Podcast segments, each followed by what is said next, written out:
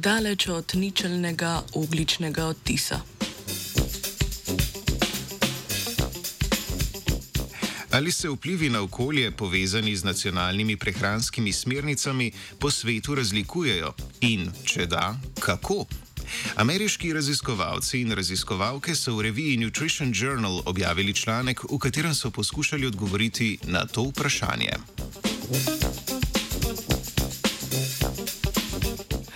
Večina prejšnjih raziskav, ki se ukvarja z vprašanjem, ali so nacionalne smernice zdrave prehrane ekološke, se osredotoča zgolj na eno državo.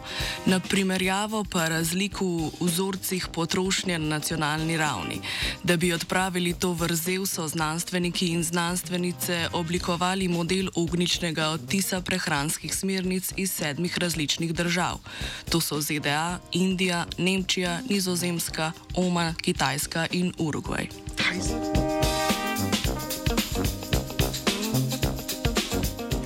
Model je vključeval uporabo šestih skupin živil in sicer beljakovin, mlečnih izdelkov, žita, sadja, zelenjave ter maščob. Za določitev specifičnih količin posameznih živil znotraj teh skupin so uporabili podatke o preskrbi s hrano, ki je na voljo za prehrano ljudi v vsaki državi. Ti se nahajajo v bilanci stanja živil v bazi podatkov OZN za prehrano in kmetijstvo. Emisije toplogrednih plinov, ki se uporabljajo za proizvodnjo živil, so bile navedene iz njihove lastne baze podatkov, ki je bila sestavljena iz pregleda literature. Pardon? So, ta, ta dokument je mačkan čuden. Moment, tu, tu, tu so bile navedene iz njihove lastne baze podatkov, ki je bila sestavljena iz pregleda literature o oceni življenjskega cikla določenega živila. Vse smernice so bile osnovane na zaužitih 2000 kilokalorijah na dan na osebo.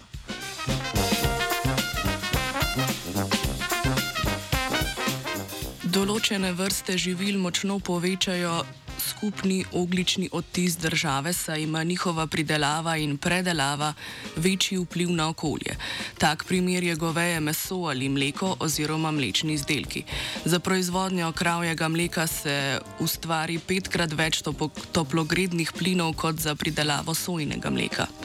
Poraba mesa v Urugvaju predstavlja večji odstotek zaužitih beljakovinskih živil kot naprimer v Nemčiji. Tako je izračun toplogrednih plinov v Urugvaju višji od nemškega, kljub dejstvu, da sta količinski priporočili obeh držav za beljakovinska živila približno enaki.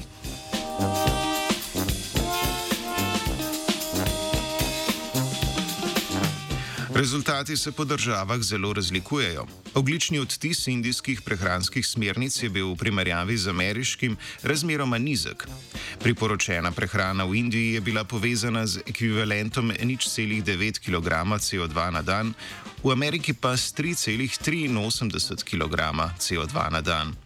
Ugotovili so, da je oglični odtis ameriških prehranskih smernic približno 1,2 krat večji kot na nizozemskem in približno 1,5 krat večji kot v Nemčiji.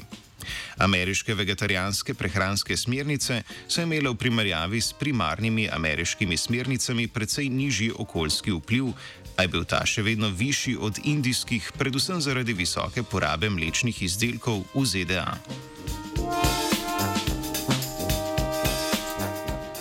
Študija žal upošteva samo en vpliv prehrane na okolje, ne pa tudi recimo rabe zemlje in vode za pridelavo določenih živil. Razlike med državami so očitne, pri čimer imajo ameriške smernice najvišji oglični odtis, indijske pa najnižji. Razumevanje tega problema nam lahko v prihodnje pomaga pri oblikovanju trajnostnih prehran, prehranskih smernic na nacionalni ravni.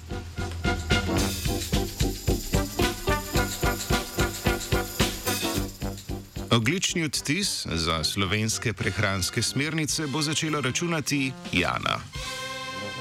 Thank you.